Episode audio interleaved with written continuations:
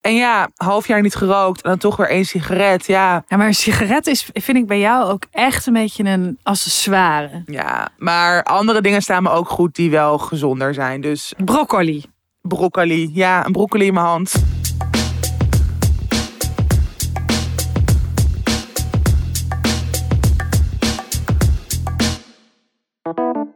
Hallo en welkom weer bij Tussen 30 en Doodgaan. Het is de 89, 98e aflevering. 98. Ik heb ook deze disco zo irritant. Ja, hè?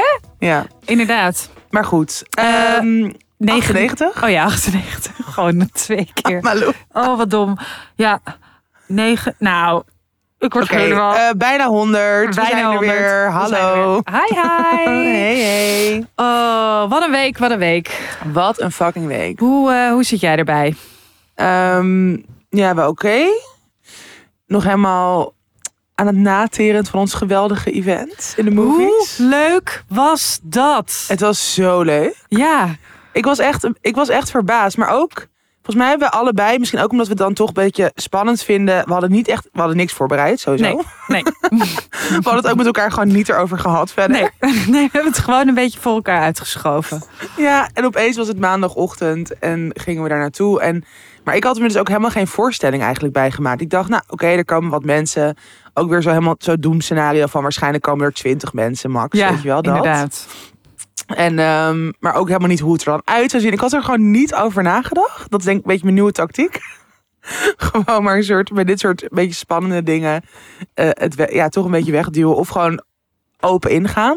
Ja, En eh, ja, daar hadden we natuurlijk ook laatst over met die verwachtingen, toch? Maar bij mij is er dus echt wel iets veranderd. Vroeger kon ik me dan helemaal ook daarover stressen, maar ook dat helemaal soort gaan visualiseren. ja. En nu denk ik gewoon steeds, ik zie het wel. En dat is eigenlijk ergens ook best wel lekker. Maar nu overviel het me dus ook een beetje. Dus wij waren daar iets eerder voor de afgesproken, voordat het open ging, zeg maar. Maar toen waren er dus ook allemaal mensen stonden er al buiten. Mhm. En het, was, het zag er gewoon super goed uit. Er was helemaal zo'n HBO Somebody Somewhere wall eigenlijk, waar je foto's kon maken. Ja. Nou, de Moves is natuurlijk prachtig opgeknapt, dus het is sowieso een hele fijne plek. Maar we hadden ook gewoon de grootste zaal. En die zat gewoon helemaal vol met, nou, jullie, met Ja. luisteraars. ja. En het was echt, ja, het was, en iedereen was gewoon zo leuk en lief en enthousiast en grappig en hele verschillende types. Dat vond ik echt heel leuk. ja. Dat je hebt, kijk, wij nemen dit natuurlijk elke week op. Nu veel op afstand, anders met elkaar in een woonkamertje. Mhm. En zijn gewoon aan het lullen. En natuurlijk krijgen we luisteraarsberichten en zien we heus wel eens wat op Instagram voorbij komen van jullie hoofden.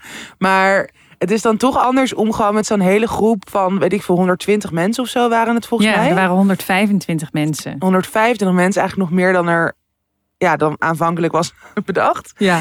Ehm, ja, en, en dus te zien dat iedereen, weet je, qua leeftijd, qua uiterlijk, qua kledingstijl, qua, weet je, gewoon, gewoon he- totaal anders. En dat Ja. is zo leuk. Heel erg leuk. Ik vond het ook heel mooi om te zien dat er waren ook luisteraars alleen, hè? Want je mocht Ja. dus eh, met iemand komen, maar je mocht ook alleen komen, uiteraard. Ja. Eh, en dat, eh, dat er heel veel mensen ook ehm, met elkaar of elkaar daar vonden. ja. Eh, Dus mensen die alleen waren gekomen, gewoon met, met, meteen met elkaar in gesprek raakten. ja, Dat ik ook, dat op een gegeven moment wilden dan mensen met ons op de foto zeggen, oh, zijn jullie vrienden? Ze nee, we hebben elkaar net hier ontmoet. Ja. En dat is een soort van, zo leuk. heel erg leuk. Ja, en inderdaad, die zaal was hartstikke groot. En, Ja. ik, en ik vond ook echt dat HBO Max had het ontzettend goed geregeld. Er was e- één iemand die zei... Ja, ik had voor de zekerheid mijn portemonnee maar meegenomen. Want ik dacht, dat kan toch zomaar niet? Dat je gewoon dingen bij de bar kan halen, gratis. en zo. Ja. Het was zo leuk. Ik heb nog nooit zo'n goed georganiseerd feestje gegeven. Ja, dat was, maar het was echt zo. Want inderdaad, gewoon heerlijk ontbijt. Gewoon allemaal koffietjes kon je dit halen. En het was, nou, los van dat dat is allemaal heel goed geregeld was en heel fijn, was het echt heel leuk en ook bijzonder om nou, twee afleveringen met zo'n hele grote zaal te kijken. Het was echt, nou, net alsof je naar de film gaat natuurlijk. Maar deze serie, ik heb dit allemaal in mijn eentje gekeken. Ja, Ehm, en heel veel dingen gevoeld. Maar nu ervoer je dat dus met 120 mensen samen. Dus iedereen ging op dezelfde momenten helemaal stuk. En nou ja, we hebben het gevraagd in de zaal. Driekwart van de zaal heeft gehuild. Ik was niet de enige, gelukkig.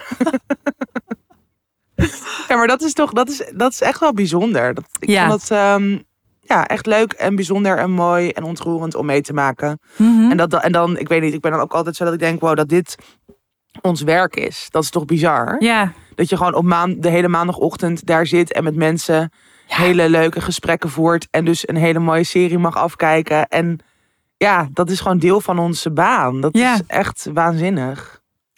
ik kan alleen maar de hele tijd heel schaapachtig zeggen ja, ja, Ja. ja. Want ik vind het ook echt. Heb je nog iets anders te zeggen? Nou, ik vond het heel leuk dat er eh, eh, een hele leuke vrouw naar me toe kwam en die zei: Ik heb op je gewacht. Ik heb een treinverhaal. Nee, zeg eerst even wat ze eerst zei. Zei: Sorry voor de baby in mijn buik. Ja. Maar ik heb een dat je me een irritant met mens vond met een baby in mijn buik. Maar Sorry, echt, Malou, kinderhater. echt een misvatting. Ik Ja, bedoel, zolang kinderen nog in iemands buik zitten, hoor ik ze niet. Dus dat is allemaal prima, weet je wel. Nee, Ja, maar ze had ook een treinverhaal. Ja, ze had ook een treinverhaal over een vrouw die eh, eh, zat achter haar met een kind. En die kwam toen naast haar zitten om met haar kind kiekeboe te spelen. Dus die zat zo helemaal in haar aura. Maar ja, ik, eh, weet je, het was even stil rondom mijn treinverhalen. Ik heb er ook weer één. Ik zat eh, eh, in de trein, lekker ontspannen. Ik had, ik had mezelf weer getrakteerd op een mooie rode leren stoel. En, Eerste eh, klas baby. Eerste klas baby. En ik zat daar en er kwam er gewoon iemand zo naast zitten. En die heeft de hele weg keihard gevideobeld. Maar goed, weet je, daar ben ik al heel lang eh, overheen. Want ik heb namelijk noise cancelling hoofdtelefoon. En Hoofdtelefoon, ja, en jij zei toen heel leuk, voor een noise cancelling leven. personality. Personality. Oh ja, kut. Dat zeg ik het nog verkeerd ook. Wrong quote. nou, dan is die van mij. Die andere van jou. Twee titels volgend jaar Ja. komen uit. Noise cancelling leven en noise cancelling jullie mogen personality. stemmen in een poll welke leuker is. Ja, precies. Eh, dus ik had lekker dat op. Dus ik dacht, weet je, mij krijg je niet. Bel lekker met whoever je aan het bellen bent. Bespreek lekker allerlei dingen waar, waar de hele coupé van mag meegenieten. Vrij gênante verhalen. Maar prima, doe maar lekker. Mij heb je niet. Ik zit hier lekker. Ik was lekker eh, iets aan het lezen of iets aan het luisteren. En ehm, op een gegeven moment staat zij dus naast me. In, in zo'n in zo'n tweetje. Wow. Staat zij naast me. Zij buigt over me heen en ze zegt: Ik moet mijn telefoon opladen. Dus ik zeg: Ja, maar ik zit hier. Dus dit weet je wel, zo. En zij doet gewoon zo. Ja, nou en? Dus zij plugt haar telefoon in. Dat draadje langs me heen. En blijft gewoon de hele tijd naast mij staan. En op haar telefoon. Dat is zo raar. Maar 110% in mijn aura. Echt heel erg in mijn aura. Dat is echt niet oké. Dus op een gegeven moment zei ik van, ja, wil je misschien weg? Of, weet je, of eh, pak je spullen, kom hier zitten. Ja. Maar niet, je, je Nou, staat... of leg gewoon even je telefoon dan een soort van, weet je, daarboven. Gewoon, dat- ja, Ja, het is toch raar dat je ook dan gewoon dat, touw, dat, dat draadje gewoon langs jouw gezicht. Zo asociaal. onvoorstelbaar. Ja, maar het is dus, dit zijn echt dingen. Ik kan hier bijvoorbeeld ook geen column over schrijven. Want het is te raar. En mensen denken dan, ja, dat heb je uit je duim Je verzint dat je verzint dat gewoon. Maar het is wel bizar. Ja, dit is echt universe joking on you. Want ik maak nooit zoiets mee. Gewoon nog Nee. nooit. Ik heb nooit iets raars in de trein meegemaakt. Ja, wel eens mensen die een beetje luid zijn. Maar ja, that's life. Maar Precies. nog nooit iets persoonlijk naast mij, tegen mij. Zo maar jij maakt dit gewoon bijna wekelijks mee. Nou, ik denk dat het komt omdat ik eh, vaak dus nu in internationale trein reis. En dat eh, eh, etiketten natuurlijk ook wel weer verschillen per, per cu- cultuur. Sommige mensen zijn gewoon erg luid en andere mensen zijn wat stiller. En het is natuurlijk af en toe ook heel erg druk. En ehm, je zit soms ook echt in de trein met hele groepen mensen die weekendjes weggaan en zo. Of met zakenmensen die naar Brussel moeten. Of, eh, en dan is het echt heel anders of je naast een Belg of naast een eh, eh, Fransman of zo zit. Weet je, dat is echt heel anders. Ja. En maar dat vind ik altijd wel leuk. Ik vind het altijd heel erg leuk om, om een beetje op mensen te letten en ze te bespioneren. Ehm, maar ja, ik, ik reis natuurlijk tien, soms wel twaalf uur per week met de ja, trein. dat is wel ook echt heel veel. Dus, ja. ehm, eh, eh, maar ik, ik dacht wel, misschien moeten we gewoon eh, eventjes onze DM openen. Dat als je een treinverhaal hebt waarvan je denkt, dit is onvoorstelbaar. Laat het even weten. Dat vind ik leuk. En dan het liefst een voice memo. Dat is heel leuk. Dan kunnen we het Ja. instarten. Ja. Oh, Misschien een nieuwe rubriek als we genoeg dingen krijgen. mm. Hele leuke rubriek. We hadden vroeger, ik eh, werkte vroeger bij Radio Decibel. En dan hadden we het Decibel panel. En dan waren het. Zo leuk. Heel leuk. En dan hadden we een, En dom. een, een stelling van de dag. En dan konden mensen zo daarop reageren. Misschien moeten we dat gaan doen. Dat Oh, we dat is heel stelling, grappig. stelling van, Stelling de, week. week. Ja. En dan mag je daar in een minuut, want via Instagram kan je, kan je maar een minuut, mag je daarop reageren. Als je in de aflevering wil. Oh, Nou. Heel leuk. We gaan nu nog even verder over broeden. precies. Broeden, zeg je dat zo? Ja, volgens mij wel. Whatever. Jij mag erop gaan zitten, meid. Zo'n ei. Oké, super. Heb je nog iets anders te vertellen? Eh, heb ik nog iets anders te vertellen? Nou, nee, niet echt. Heb jij nog iets anders te vertellen?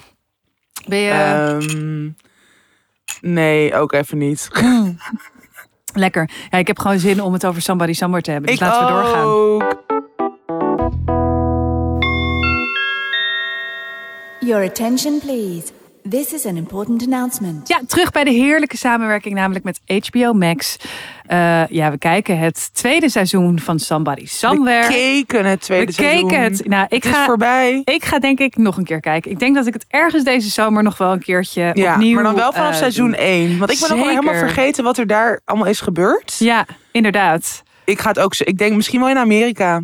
Als Oh, ik me gewoon niet chill heerlijk. voel, ga ik gewoon als soort kamper dit kijken, Nou, denk ik. nou, Oh. nou, Saskia Noord was Ja. bij ons op de viewing. En die Ja. zei zo, oh, oh, alsof het de normaalste zaak Oh, dan kan je ook even naar Joe's Pub. En ik zo, wat fuck is Joe's Joe's Pub? Pub? Maar jij kende het wel.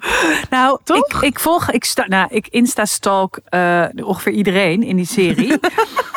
het is echt een beetje gênant. Eh, ja, dus, eh, eh, dus ik heb dat wel gezien dat ze daar af en toe was gewoon een beetje zingen. Zo Fred en Joel en, en Bridget. Bridget, ja. Ja, dus dat ze daar wel geregeld zijn. Maar ik moet wel zeggen dat ik nog helemaal niet die link had gelegd met... Oh, Tatjana gaat ook naar New York. Die kan er dan naartoe of zo. Nee, ik was ook echt in shock, want ik had dit nog niet voorbij zien komen. En ik ben meteen natuurlijk dat account gaan stalken.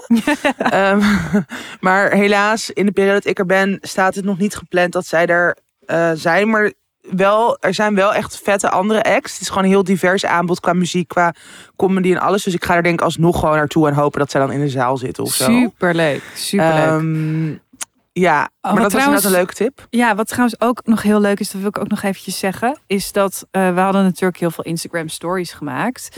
En eh, dat Trisha daar de hele tijd op reageert Echt? in DM. Ja, Dat dus heb ik nog helemaal niet gezien. nee, eh, het, volgens mij in de tussen 30 en doodgaan, maar ook bij die van mij persoonlijk. Dus de hele tijd Zo ook leuk. over de, de filmzaal van, oh, it looks great, guys. Oh, bla bla bla. Ze is zo lief. Ja, Het is echt ongelooflijk. Inderdaad. Nou ja, Dus- we hebben dus ehm, op onze geweldige live event... hebben we dus de laatste twee afleveringen gekeken. Aflevering 6 en 7. Ja, Ehm, en die eh, ja, gaan we nu gewoon even nabespreken. We wilden het eerst misschien in de zaal doen. Maar het was gewoon... Het waren zulke intense afleveringen. Ja. Er gebeurde zoveel. Wij waren gewoon nog helemaal een soort flabbergasted. Flabbergasted, ja. ja. Ehm, daarna. En moesten gewoon even bijkomen. En was gewoon heel leuk om met de luisteraars in het moment te kletsen. Maar nu dus alsnog een nabespreking van 6 en 7. Ja.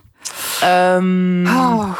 Ja, echt veel gebeurd. Want we, we eindigden inderdaad in aflevering 5 met heel veel losse eindjes. Iedereen Mhm. had even haat naar de ander. Of het moeilijk met de ander. Ja.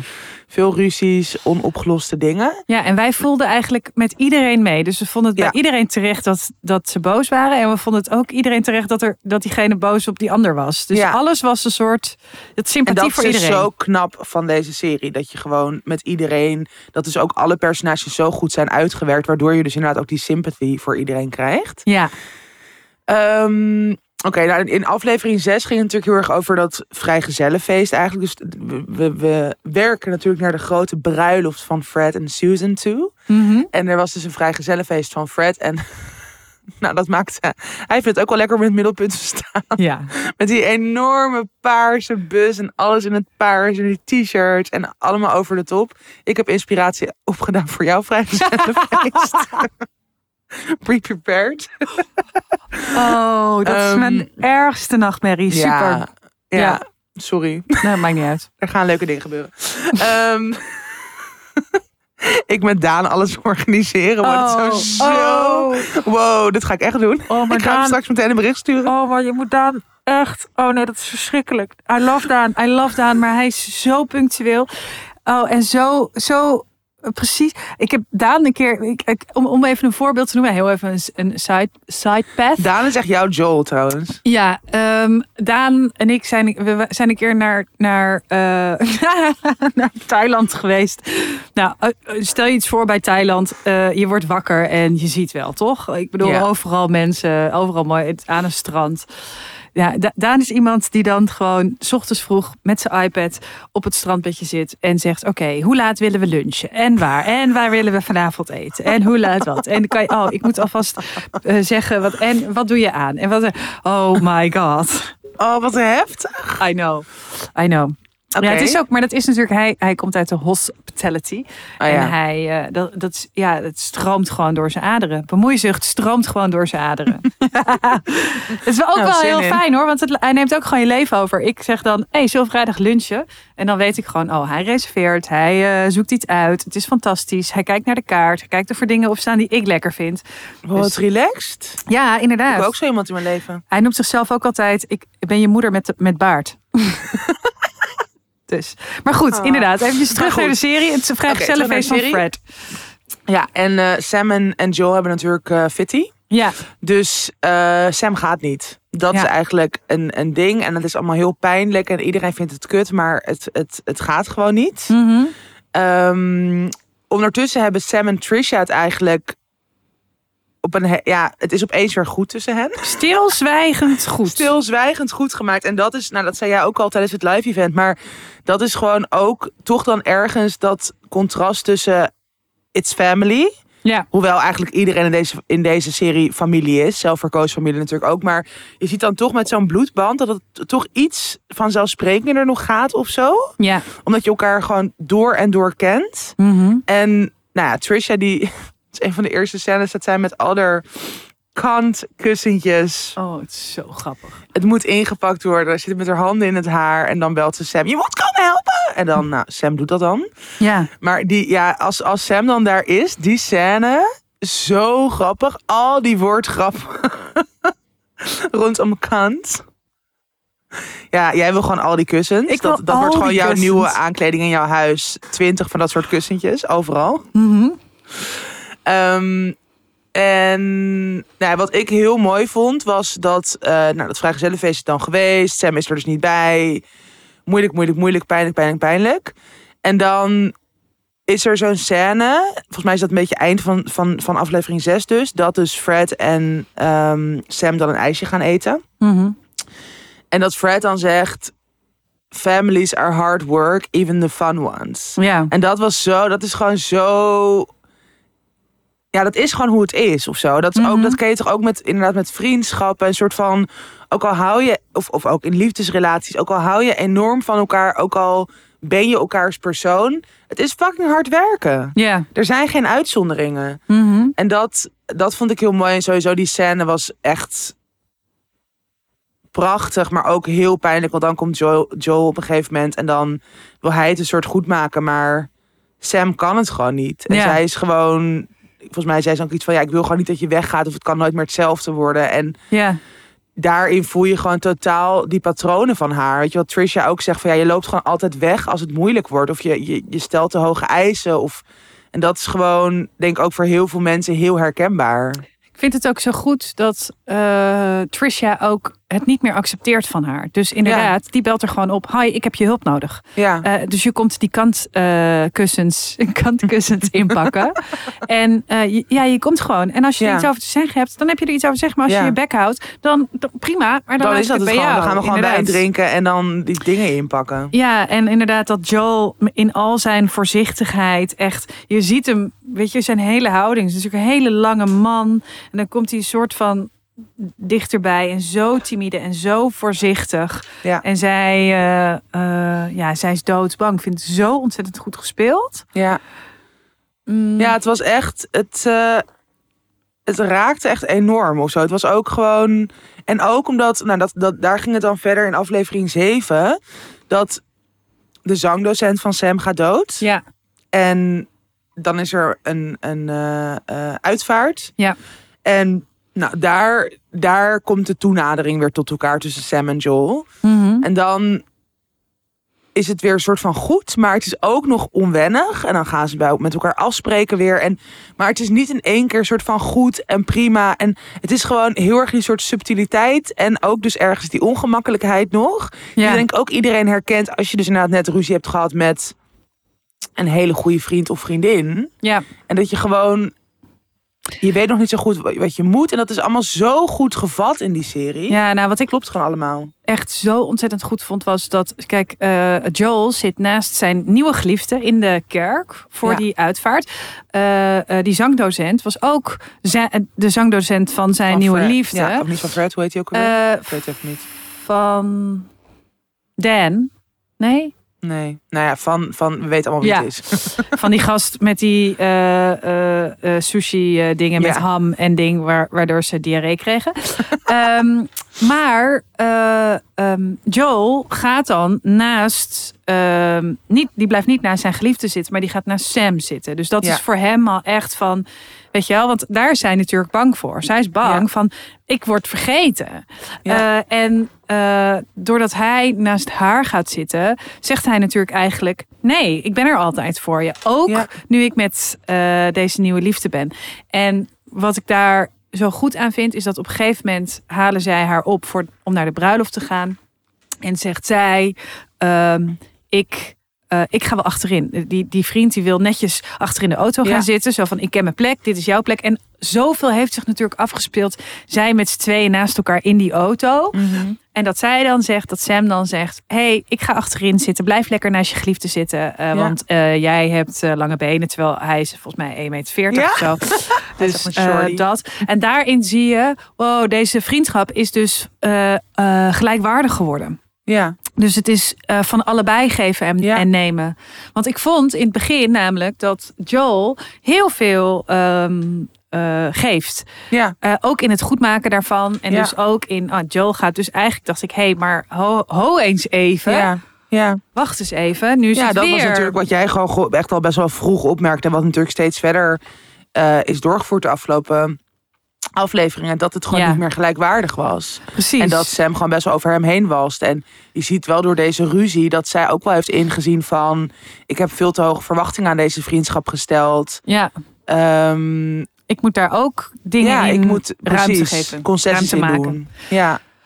Oké, laten we het in godsnaam over die buurman hebben. Oh, die is zo lekker. Echt hè? Ik vind hem zo hot. Ja, en hij is alleen maar hotter omdat hij een enkelband heeft. Maar ik vind ook die chemistry tussen hun is ook fucking leuk. Het is echt ik werd ook helemaal. En, en die, dat is echt toch echt die geweldige scène. Dat dus Joel en Sam hebben het net goed gemaakt. Ze hebben net alweer voor het eerst eigenlijk een soort geklets in dat huis. Sam heeft een soort.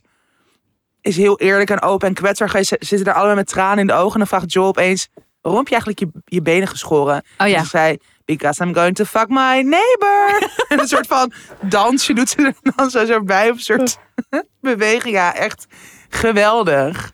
Dat vond ik echt, denk ik, het vetste moment van deze afleveringen. Dat daar is je dus gewoon precies zo. Aan de ene kant, je bent nog half aan het janken. En dan ga je weer helemaal stuk. Omdat het gewoon zo grappig is. Ja, hoe ze dan zoiets zegt. Of, of, of wil. Of nou, Ja. dat. En inderdaad, al die scènes tussen hen zijn gewoon heel leuk. En je wil inderdaad dat zij gewoon gaan neuken. En of een relatie krijgen. Ja, ja, ja, ja. Oh, dat lijkt me hilarisch. Oh, ja, ik hoop heerlijk. echt. Naar één iemand in de zaal die vroeg al wat hopen jullie dat er in seizoen 3 gaat gebeuren. Nou ja, wij hopen natuurlijk sowieso dat hier een leuke verhaallijn uitkomt. Ja, zeker. Ehm, maar wat ik ook er goed aan vond, of leuk, was dat het dus niet. Kijk, dat, dat, dat komt dan wel even tussendoor, maar het wordt niet opeens dan nog het belangrijkste in die laatste afleveringen. Of ook Ja, net zoals met het zingen, want ehm, Sam die gaat natuurlijk dan nou, op twee momenten op de bruiloft zingen.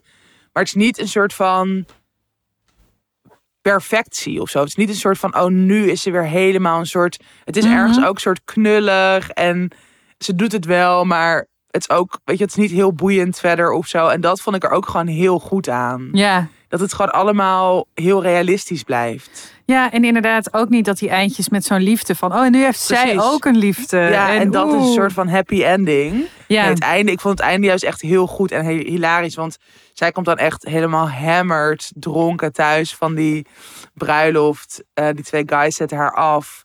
En eh, zij, zij, zij wil dan een soort van, nou, de seks met die buurman. Maar het is al donker, hij slaapt. ik en was zij loopt daar zo zwalkend. Wat Ik was, was, je? ook, nou, ik was ook blij dat ze het niet... Want ik dacht, nee, ik wil niet dat zij seks met hem gaat hebben... en dat ze dan echt tering lam is. Precies. En dat, dan, is- dat is ook dan het einde. Is van ja, boring. Maar Ja, nu gooit ze dus gewoon door schoen tegen zijn raam aan. En die ja. gaat door het raam heen. En dan sluipt ze een soort van weg. Awkwardness. En dat, dat is het einde. En dat vond Ja. ik gewoon heel grappig ook. We hebben het. eh, eh, we hebben ook nog iets wat heel goed was. Dat is namelijk Trisha. Die zegt: uh, I'm over Paul.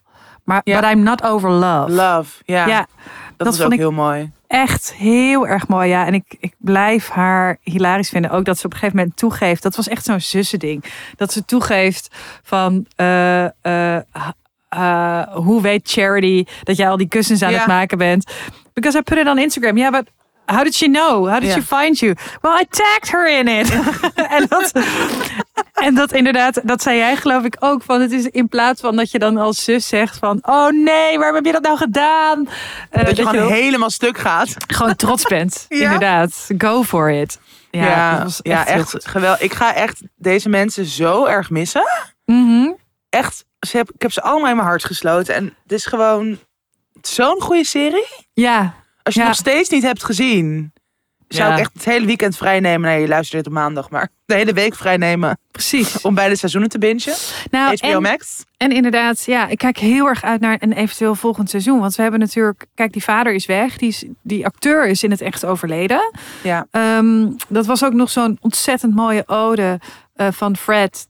Ook echt naar die acteur Ja. en echt, weet je wel, naar zijn rol natuurlijk. Maar ook, ehm, ja, Bridget Everett die heeft dat ook gezegd dat het op set heel vaak ook heel emotioneel is geweest hè, in Mhm. dat interview met ons.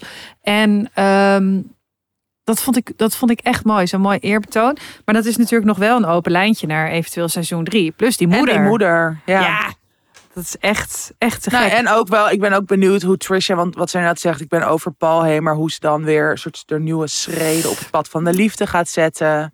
Mag ik een voorspelling doen? Ja? Kijk, eh, eh, ik denk dat er al een beetje is nagedacht over een seizoen 3. Ik denk dat Trisha helemaal losgaat. En die is, die is best wel gefocust op wine en wine. En wine. Die moeder is natuurlijk ook alcoholist. Dus ik denk dat daar, want zij, zij is nu natuurlijk helemaal... eh, heeft echt een hele grote vooruitgang gemaakt. Maar daar schuilt natuurlijk ook weer heel veel. eh, ehm, het is ook meteen gevaar. Want nou, dat voelde ik heel erg. Dus ik denk dat daar ook nog, als je, als je doorkijkt naar Mm. seizoen drie, ook omdat die moeder nu nog zo open is. En met ook, en trouwens, iedereen zuipt daar echt superveel. Je, Ja. ziet, je ziet Sam ook de hele tijd wakker worden met zo'n klein glaasje martini eh, daarnaast. Wat ik echt Ja. zie, ik denk ook echt dat we vaker martinis weer moeten gaan drinken. Oké. Volgende, dus 30 nood gaan gathering. Ik heb dirty martinis. Nou ja, jij hebt, eh, eh, jij hebt eh, tegenwoordig een ander recept. Dat heb je in de extra aflevering verteld. Dus ja, wil je weten wat Tatjana de favoriete nieuwe recept is, dan moet je de huiskamer Recept. Het de klinkt net zo'n soort lithium. oude gifmenger. ja, ik, ik vind het ook zo eh, echt jammer dat dit item nu ook voorbij is in eh, Ja. eh, deze podcast. Ik vond het heel leuk. Ja, misschien gaan we hier nog wel op een gegeven moment. Want ik vind het gewoon heel leuk om een serie te bespreken. En we doen dat natuurlijk al vaker, de extra aflevering. Maar we kregen daar ook zoveel leuke reacties op van jullie allemaal. ja. Dat mensen zeiden ook echt van ja. normaal, weet je, ik vind niet alle reclames leuk. Of soms denk je, dit past niet bij mij. Maar die serie is een soort van. ja. Iedere, ja, nou, we hoorden dat van heel veel mensen dat ze het allemaal gewoon zo leuk vinden. En ook weer nieuwe inzichten kregen door onze analyses. Mhm. Dus dat is. ehm, ja, daar gaan we denk ik ook nog wel meer mee doen in de toekomst. Zeker. Eh, ja, dan moeten we nu echt afscheid gaan nemen van Somebody Somewhere. Ja, en ja, misschien huilen. gewoon via dit ook nog even HBO Max bedanken. Want ze hebben het echt goed geregeld voor ons en onze ja, het luisteraars. was echt, echt heel leuk. En ook aan alle Genoten. luisteraars. Dankjewel dat jullie er zo Waren. zijn en meekijken. En ja, jullie zijn echt wat gek. Meeleven. Ja, Dus- we love you all. Oké, dag. Oké, het hoofdonderwerp is... Jullie hebben het misschien al aanzien komen. Afgelopen weken ging het over niks anders dan dit. Ja, hypocrisie. Marloes hypocrisie gaat het hebben over mijn hypocrisie. Ik vind het echt een beetje flauw dat ik nog steeds geen gouden ketting van jou heb gekregen met daarop hypocriet Oh ja. Ik dacht al, waarom zet je je titel zo in beeld te flanten? Maar dat was omdat je een ketting miste Omdat ik, ja, ik, ik miste, dit is precies, dit is een hele mooie, echt een lekkere dikke gouden ketting.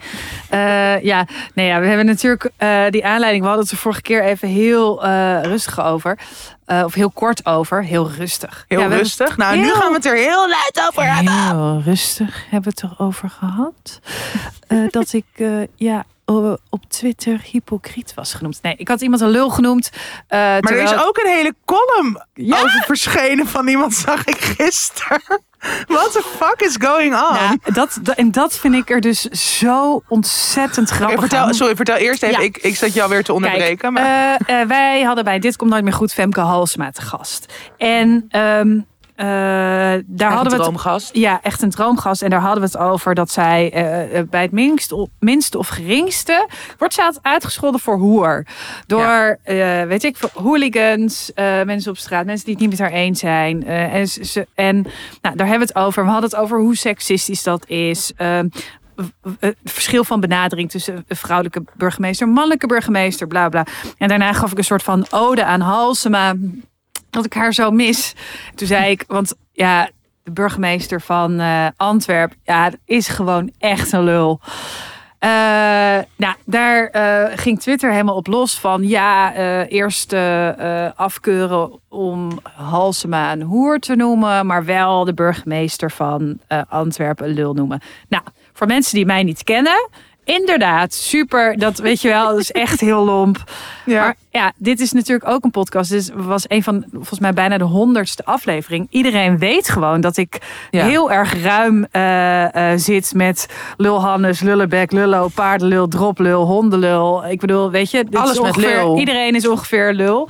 ja. Eh, en dat, zoiets, ik, ja, ik reageerde op Twitter. Ik, ik vind het dan ook wel weer grappig om dat dan een beetje zo toe te lichten met, nou, ik bedoelde racistische lul. Nou, toen was helemaal het, platform te klein Ja. en, eh, en zo.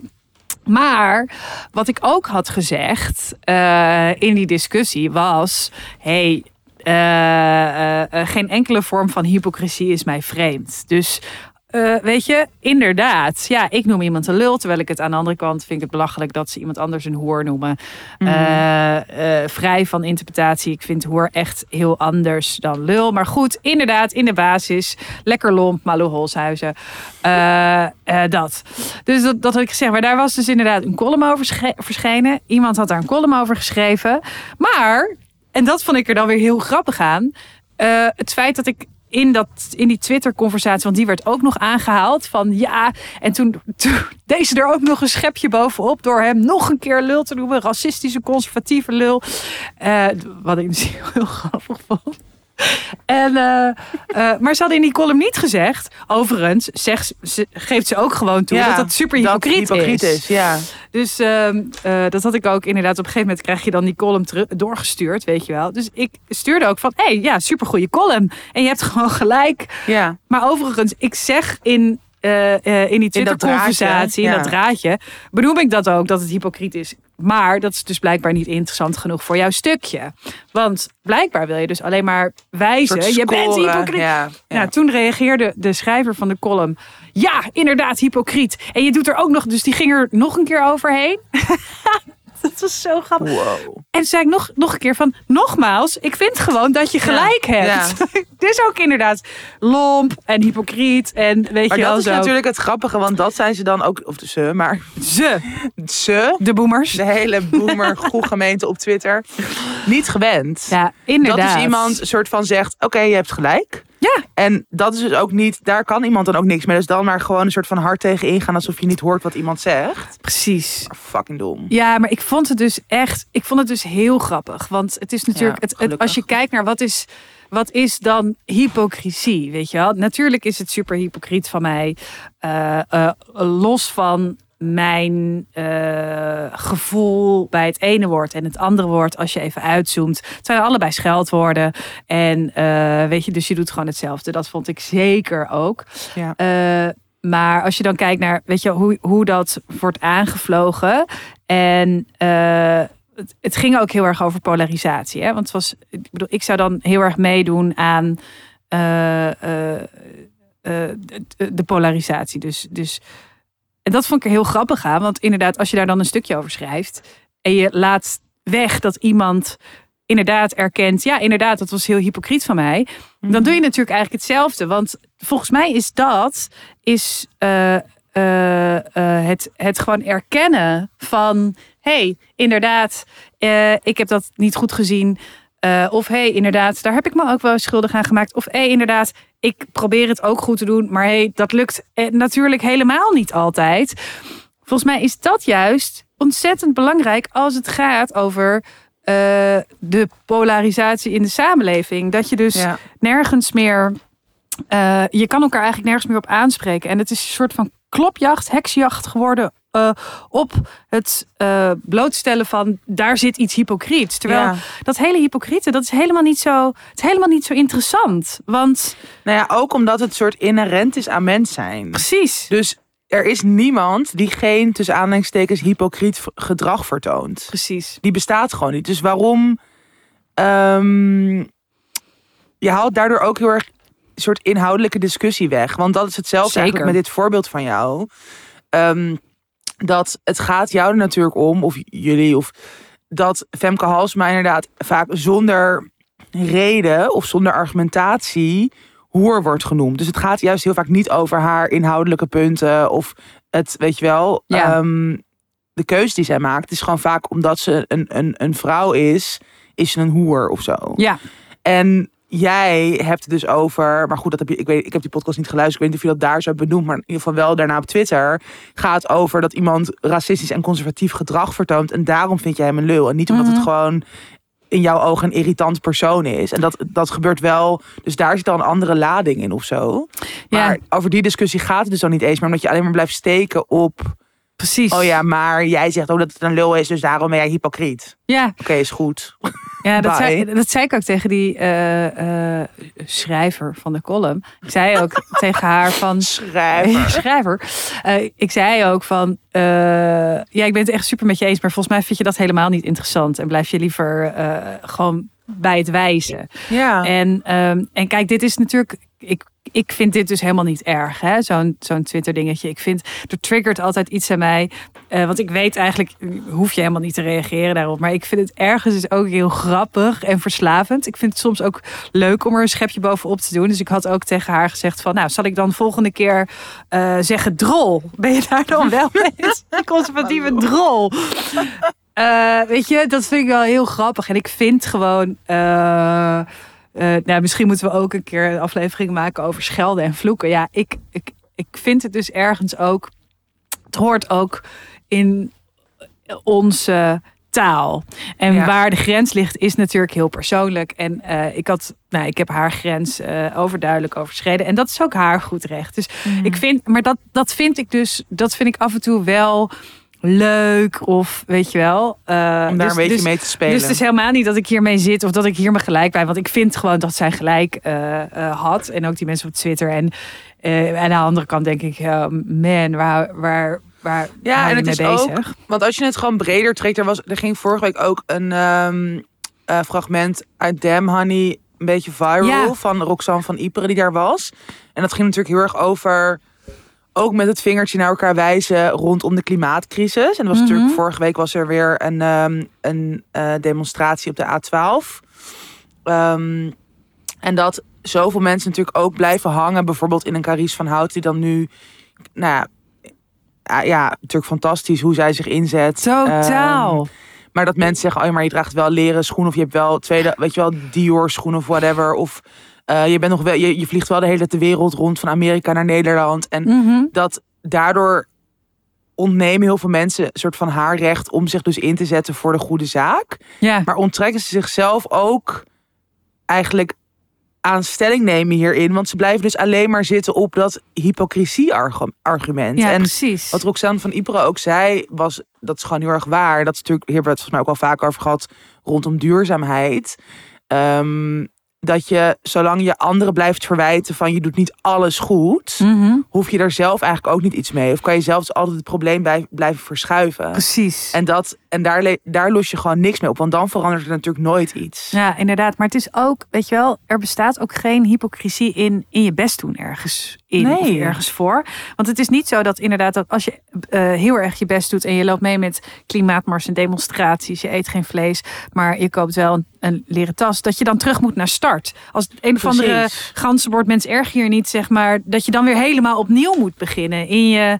En ook het, eh, dat vind ik ook zo gek, dat er met eh, eh, hypocrisie, wat ik er heel goed aan vind, ik vind het juist eh, ehm, vaak als mensen me ergens op aanspreken, oh maar vroeger, of eh, oh maar ik heb jou ook wel eens horen zeggen, dan denk ik, oh ja, inderdaad, ik heb me dus ontwikkeld Ja. in die tussentijd. Ja.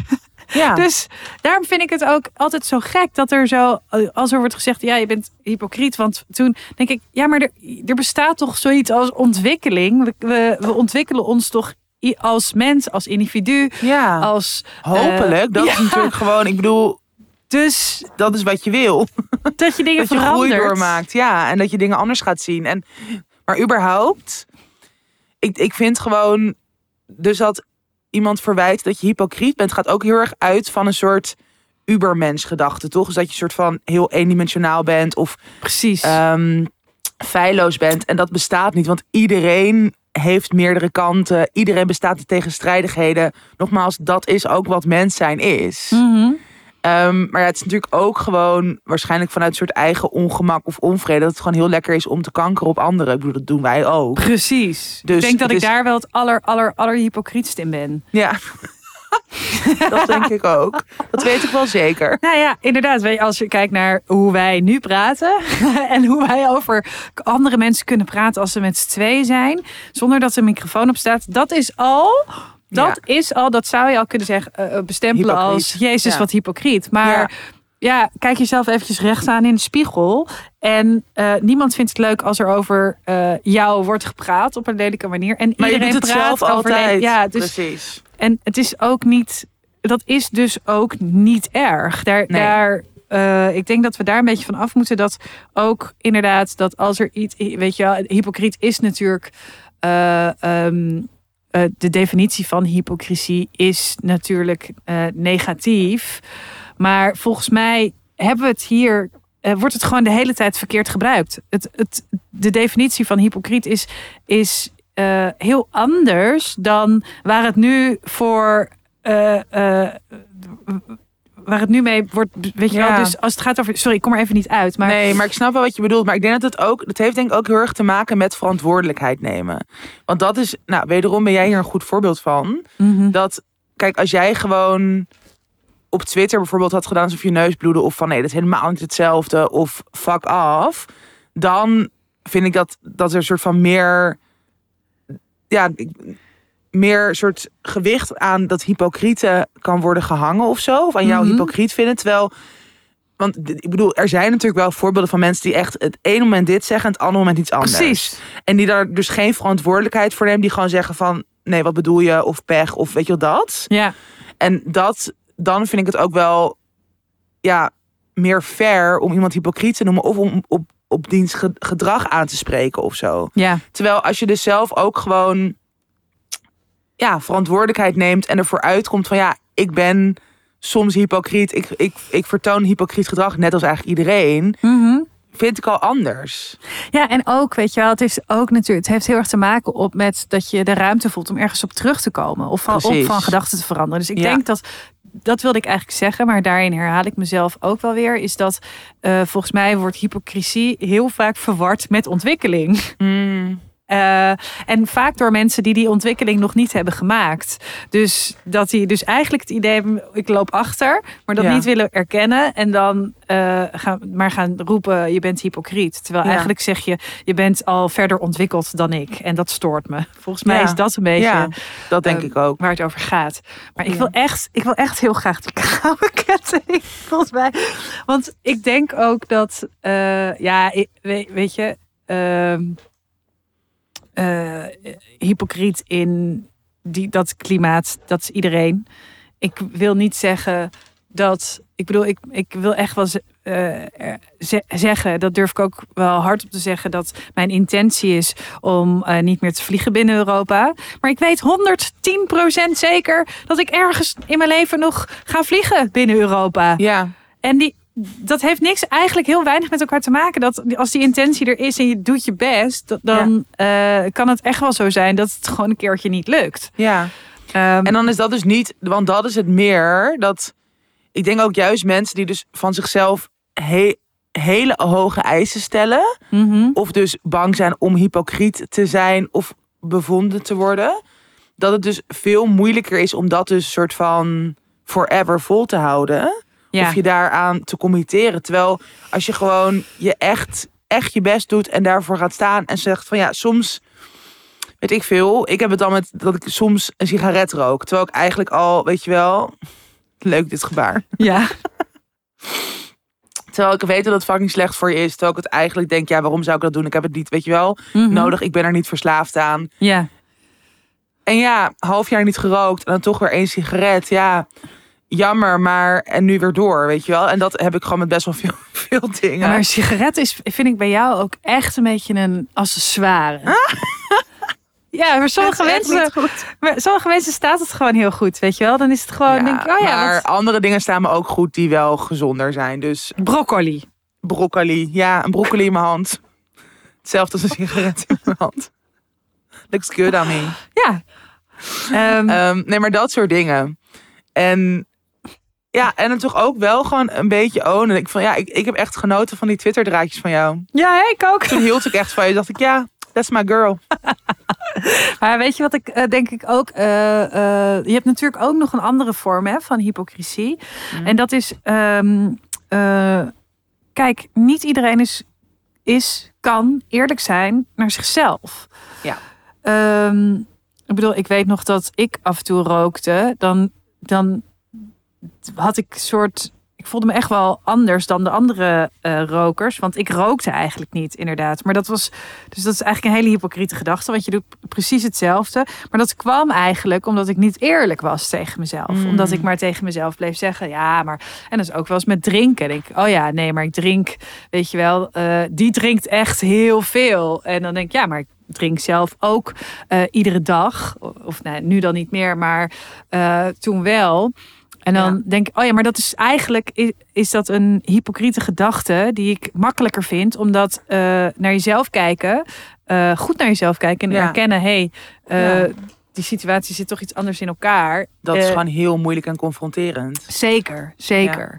Ja. ja, en ik denk, ik denk ook altijd, ik zeg ook, hoor mezelf af en toe ook nog zeggen dat ik dan zo geen vlees eet. Mm. Terwijl ik vind, ik, ik identificeer me graag nog als iemand die geen vlees eet, maar het is gewoon niet waar. Het is gewoon niet waar. En ik moet gewoon eigenlijk van mezelf, ik vind het belachelijk dat ik dat niet kan laten. En Ja. ik heb het twee jaar niet gedaan. En opeens eh, was er een soort van, had ik met mezelf de regel, oh, alleen als ik op vakantie ben. Want ja, blijkbaar zijn eh, eh, Spaanse lammetjes veel minder zielig dan Nederlandse lammetjes of zo. Ik weet niet wat ik in mijn hoofd haalde. Maar, en dat sloop er dan weer zo in. Maar omdat ik nooit ergens heb besloten, ik eet weer vlees, Ja, identificeer ik mezelf bestaat nog het steeds. gewoon niet echt. Precies, terwijl Ja. ik eet gewoon vlees. En dan denk ik, oh nee, maar ik eet het alleen als ik, als ik uit eten ga. Ja, ik ga drie keer in de Je week gaat- uit ja. eten. Dus wat lul je nou? Maar dat heeft gewoon heel erg te maken met dat ik mezelf nog steeds liever zie als, als diegene die dat niet doet. En dat ik eigenlijk nog eh, eh, geen afscheid kan nemen van dat deel van mij. Dat, dat perfecte deel van mij. Dat Ja. gewoon eh, in het valesschap alle plantaardige hamburgers in mijn mandje laat. Ja, dus weet je, snap je? Ja, Snap je me Ja. nou? Ik snap het totaal. Ik heb het met duizend dingen. Ik kan wel een lijstje opnoemen, maar... Ja, doe maar. doe maar even een lijstje alsjeblieft. Oké, ik heb het ook met vlees eten. Hoewel ik nu al wel weer een tijd. eh, maar goed, dit is dus weer. Dit is inderdaad heel. Het heeft heel erg te maken met jezelf als een soort. Nou, wat jij zegt. toch, toch een beetje perfecte mens willen Precies. neerzetten of voelen. Terwijl uiteindelijk, je doet het voor jezelf en voor de wereld natuurlijk. Maar, Mhm. maar goed, dus met vlees eten heb ik het ook een tijd gehad. Wat ik zei, met roken, maar ook inderdaad heel erg met roddelen. Of met een soort oordelen over mensen hebben. Eh, ook heel erg over vreemd gaan en affaires. Oh ja, ja. Dat is erg, toch? Dat soort... Ik vind het altijd heerlijk als mijn vriendinnen ergens een affaire hebben. Maar als ze worden bedrogen, jongen, nou, Ja, dan worden de banden lekker ik gestoken. ook, ja. Nee, en over bepaalde mensen die dan heel veel affaires hebben, dat ik daar echt wel een oordeel over kan hebben. Terwijl ik bijvoorbeeld ook wel eens eh, degene ben geweest waar iemand een affaire mee heeft gehad. Weet Ja. je wel? Dus dat soort, dat soort, soort klinkslagen. Oh, wat een ontzettend goed voorbeeld. Hier maakt namelijk de hele wereld zich schuldig aan. Er zitten nu mensen te luisteren die gaan of de vangrail in van ja, inderdaad, zo-. Of knikkend op de fiets of in de trein. Ja. Knik Ja, maar even, ja, jongens. Ja.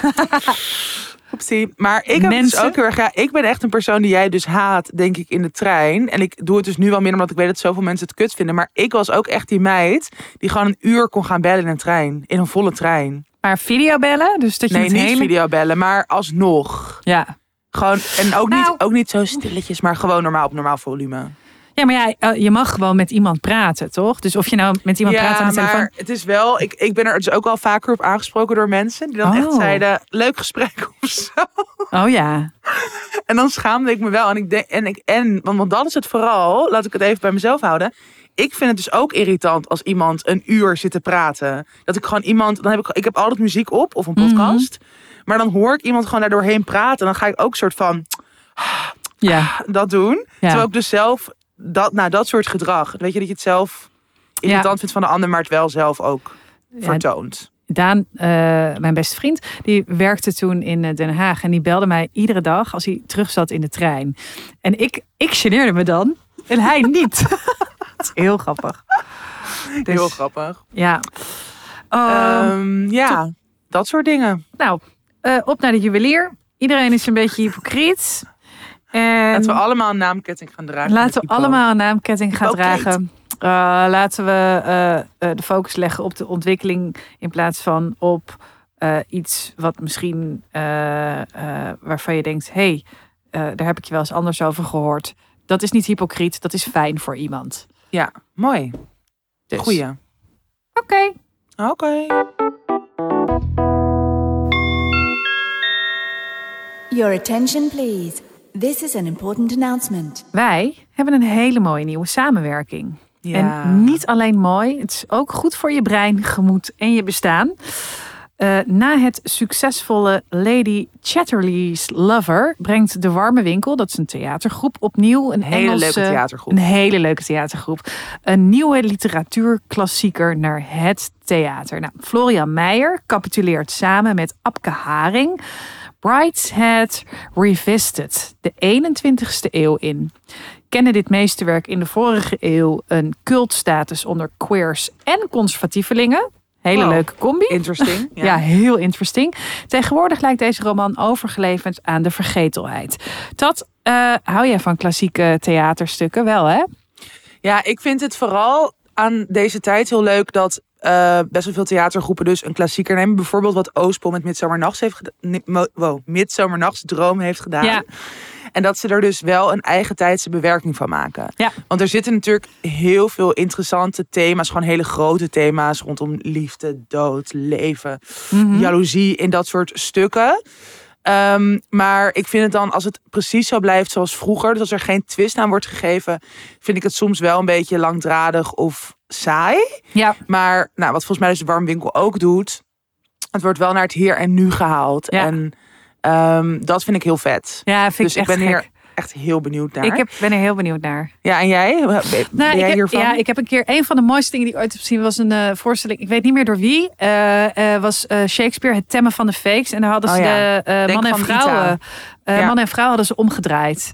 Dus de mannen speelden vrouwenrollen en de vrouwen speelden mannenrollen. Waardoor dat dus, ja, dat, dat was ontzettend gaaf. Dus Ja. ja, ik ben heel erg benieuwd naar de Brideshead Revisit. Ik moet het even goed kunnen uitspreken. Revisited. Revisited. Brideshead Revisited. Ja. ja. ja. Ja, oké, even iets meer waar, deze, waar het verhaal over gaat. Dus het stiekem autobiografische Brideshead Revisited uit 1945 Goed jaar. van Evelyn Waugh. Ja, heel goed jaar. Gebeurde veel in de wereld.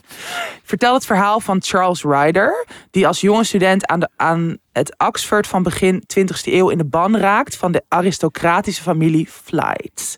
Het is een zwoele zomer. En hij laaft zich op het paradijselijke familielandgoed aan hun wilderige leven. Waarbij hij verliefd wordt, natuurlijk, op zowel zoon Sebastian als dochter Julia Flight. Ja. Wow, Een, echt een eh, vet plot. heel, eh, ja, en een, ja, het lijkt me vrij lastig. Maar met het einde van de detail. zomer en de opkomst van het fascisme dient het volwassen leven zich aan. En hoe graag Charles ook zou willen, de vrijheid van die gouden Augustusdagen komen niet meer terug. Wat de opmaat leek van een radicaal eerlijk en vrijzinnig leven, blijkt het begin van een uitzichtloos en cynisch bestaan. Nou, de auteur Evelyn Waugh, die zat vast in een bitter wereldbeeld.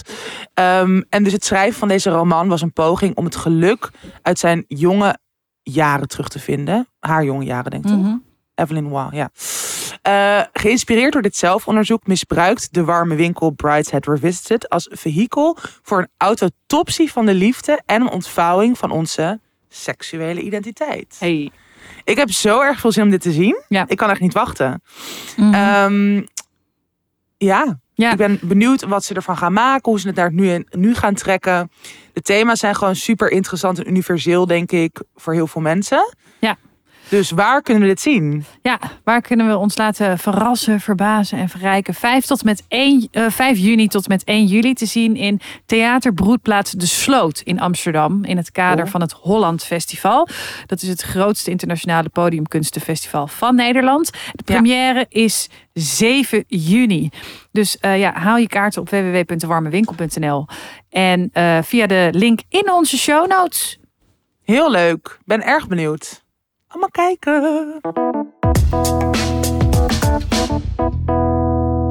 Tips, tips, tips, tips, tips. Wat tip Tips. jij? Nou, ik ben als ehm, voorproefje voor mijn America trip Ja. Americana van Joost Zwagerman aan het lezen. Mhm. En ik heb die ehm, gekregen van mijn amazing agent, Maaike Ja. Zij, is de, eh, zij was de geliefde van Joost Zwagerman. Niet dat het er heel veel mee te maken heeft, maar toch een leuk detail. Ja. En het is, het, het is echt een soort box met twee boeken. En het bestaat uit allemaal essays die Zwagerman eigenlijk over Amerika heeft geschreven. En heel veel over literatuur, populaire cultuur. Er zitten echt duizend verwijzingen in. Ik heb een soort boekje aangemaakt met waarin ik schrijf welke films ik wil zien, welke auteurs ik nog moet lezen, weet, je, weet je welke boeken, omdat hij zoveel tips eigenlijk geeft in deze boeken. Ehm, en ik vind Zwageman, ik was altijd al wel fan van zijn werk, vooral van zijn poëzie. Mhm. Maar hij is ook echt een geweldige essayist. Hij verweeft dus zo makkelijk soort eigen ervaringen of gedachten met dus die van anderen. Het zit dus heel goed in elkaar. En het is, kijk, ik denk dat zoveel mensen, ook toch van onze generatie, zijn gewoon Ameri Amerikafiel. Amerikafiel, hoe zeg je dat? Ja. Omdat we ook allemaal zijn opgegroeid met zoveel films en series. En dat is gewoon wel waar ja, onze jeugd uit bestaat of zo. Ja. En ehm, ja, ik vind het echt heel leuk om te lezen. Ik raak heel erg geïnspireerd door. En het is ook... Nou, mijn volgende roman speelt dus grotendeels in Amerika af. Dus het is voor mij ook gewoon een goede inspiratie... ehm, om te kijken, weet je wel, wat, wat voor auteurs of gedachten... ik er zelf in wil eh, verwerken. Mhm. Dus, maar ik denk Mooi. dus voor heel veel mensen echt heel leuk om te lezen. En het is ook, dat vind ik ook fijn aan essays, dat je hoeft het niet. Het is geen roman, weet je. Dus je kan er gewoon soms even in bladeren of soms even één essay lezen of kijken van, oh, ik wil nu iets over Philip Roth lezen of dan over Andy Warhol en dat je dan daar een beetje op in en uitzoomt. Dus ehm, ja, tip Americana van Joost. Amerikanen. Mooi. Eh, ik tip, eh, even kijken hoor, ik moet het er even bij pakken. Ehm, Half Holland in crisis. Dat is een nieuwe serie op de Oh ja. NPO. Eh, Jora Rienstra presenteert het en Mhm. doet ze echt ontzettend goed. Ik vind, ik vind eigenlijk al haar programma's van de laatste tijd Ja. ontzettend goed. Ze had ook ook dat is eigenlijk een tip in een tip. Die eh, serie van Omroep Zwart met hoe racistisch is Nederland, Mhm. hoe seksistisch is Nederland en hoe eh, homofobisch Nederland. En daar had zij dus, zij had die hoe homofobisch Nederland gemaakt. Daar ging zij in gesprek met mensen op straat. ehm, die dingen eh, nou, ja, tegen haar zeiden over hoe ze naar bepaalde punten keken. In onze samenleving met betrekking op eh, de LHBTQ eh, gemeenschap. En Ja. nou, daar kreeg ze best wel dingen voor te kiezen. Wat echt over haar ging. En ik vond Mhm. dat zij daar echt zulke ontzettend goede vragen over stelde. En eigenlijk in het thema wat wij nu hebben besproken, eh, eh, dus ja, heel erg eh, over die hypocrisie. Nou, Ja. zij heeft die serie is net begonnen. Het gaat over de klimaatcrisis. En het gaat inderdaad heel erg, zij zoomt heel erg in op wat zijn de feiten, wat wordt er gezegd en hoe, hoe, wat zit die, die emotie van die mensen. En Mhm. en ehm, ja, met, met echt een hele open blik. En ik merk dat, nou ja, ook nog om heel even terug te komen op het thema. Ik, ik, ik verwacht heel erg dat mensen minder hypocriet zijn, beter naar elkaar luisteren en bla bla bla. Maar ik vind dat zelf ook heel moeilijk. En helemaal als het gaat Ja. over dingen waarvan ik denk, ja, Jezus Christus, gaan we daar nou nog steeds over hebben? Ja. En dat doet zij dus wel. En dat vind ik echt, echt heel goed aan haar. En, en Ja. ik denk dat door programma's zoals eh, eh, Half Holland in Crisis, Mhm. ehm, eh, ja, dat we daar allemaal wel een beetje een voorbeeld aan kunnen nemen. Ja, mooi. Dus dat. Goeie.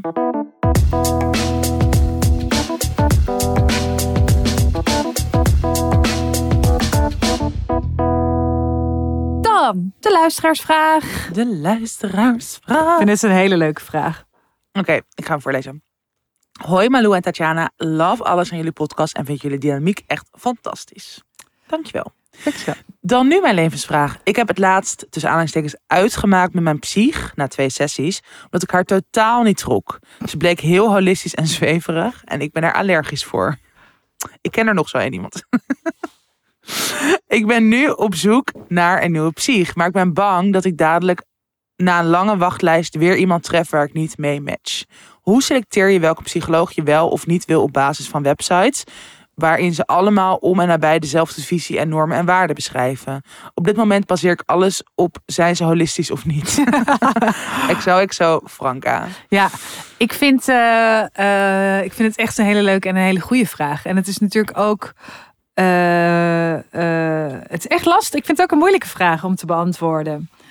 Want wij hebben het er al natuurlijk een keertje over gehad. Dat ik een keer een, een eh, psycholoog heb gedumpt. Het uit heb gemaakt met een psycholoog. Omdat ze een witte lekking aan had en een spijkerrok.